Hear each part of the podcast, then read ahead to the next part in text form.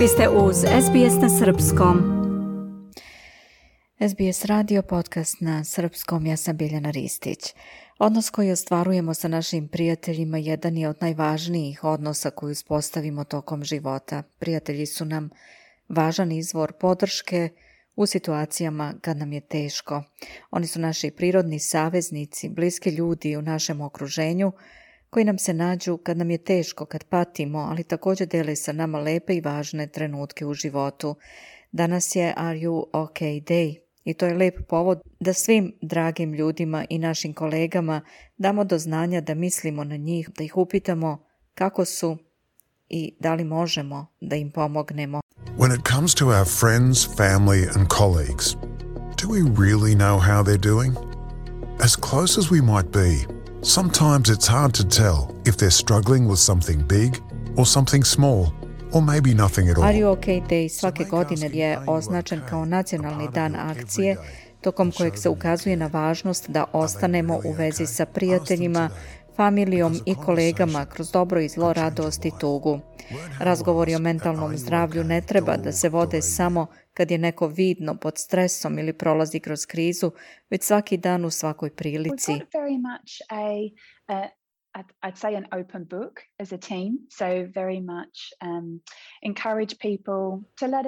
Mi imamo prilično otvorene misli kao tim i rekla bih ohrabrujemo ljude da nam kažu o svojim problemima Niko od nas nije imun na životne izazove, bilo da se radi o prekidima emotivnih veza, financijskim poteškoćama, pritiscima na poslu ili o žalosti zbog gubitka voljenih osoba, objašnjava gospođa Katrina Newton, izvršna direktorka organizacija Are OK?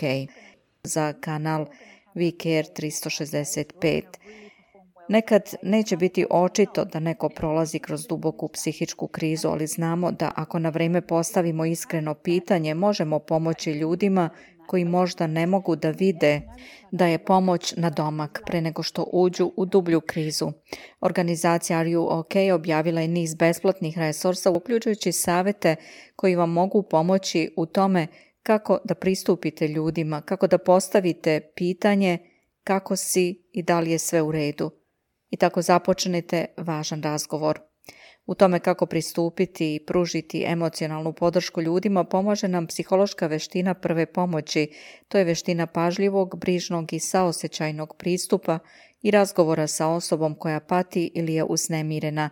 To je važna životna veština, veština koju svako od nas može da nauči, a cilj je pružanje pomoći u sprečavanju pogoršanja problema mentalnog zdravlja promovisanja oporavka dobrog mentalnog zdravlja, pružanje emocionalne podrške i ohrabrivanje osobe, posebno ako sumnjamo da postoji rizik da će osoba sebi naštetiti.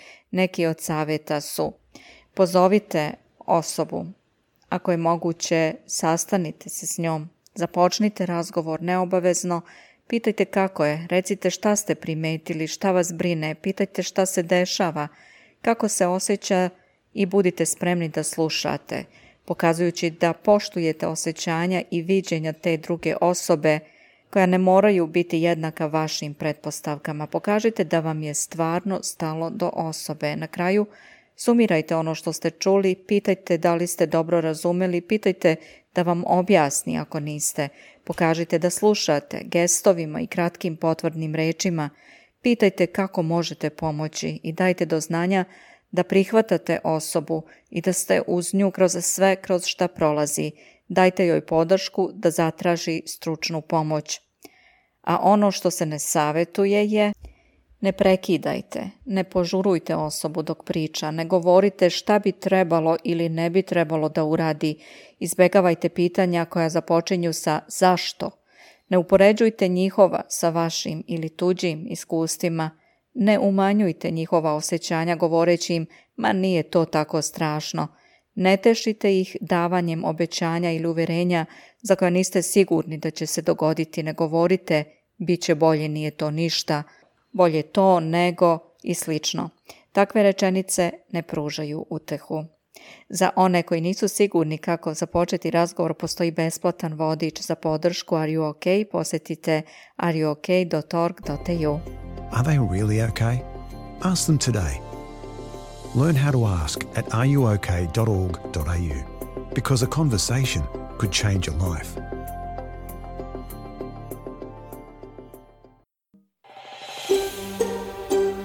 Želite da čujete još priča poput ove?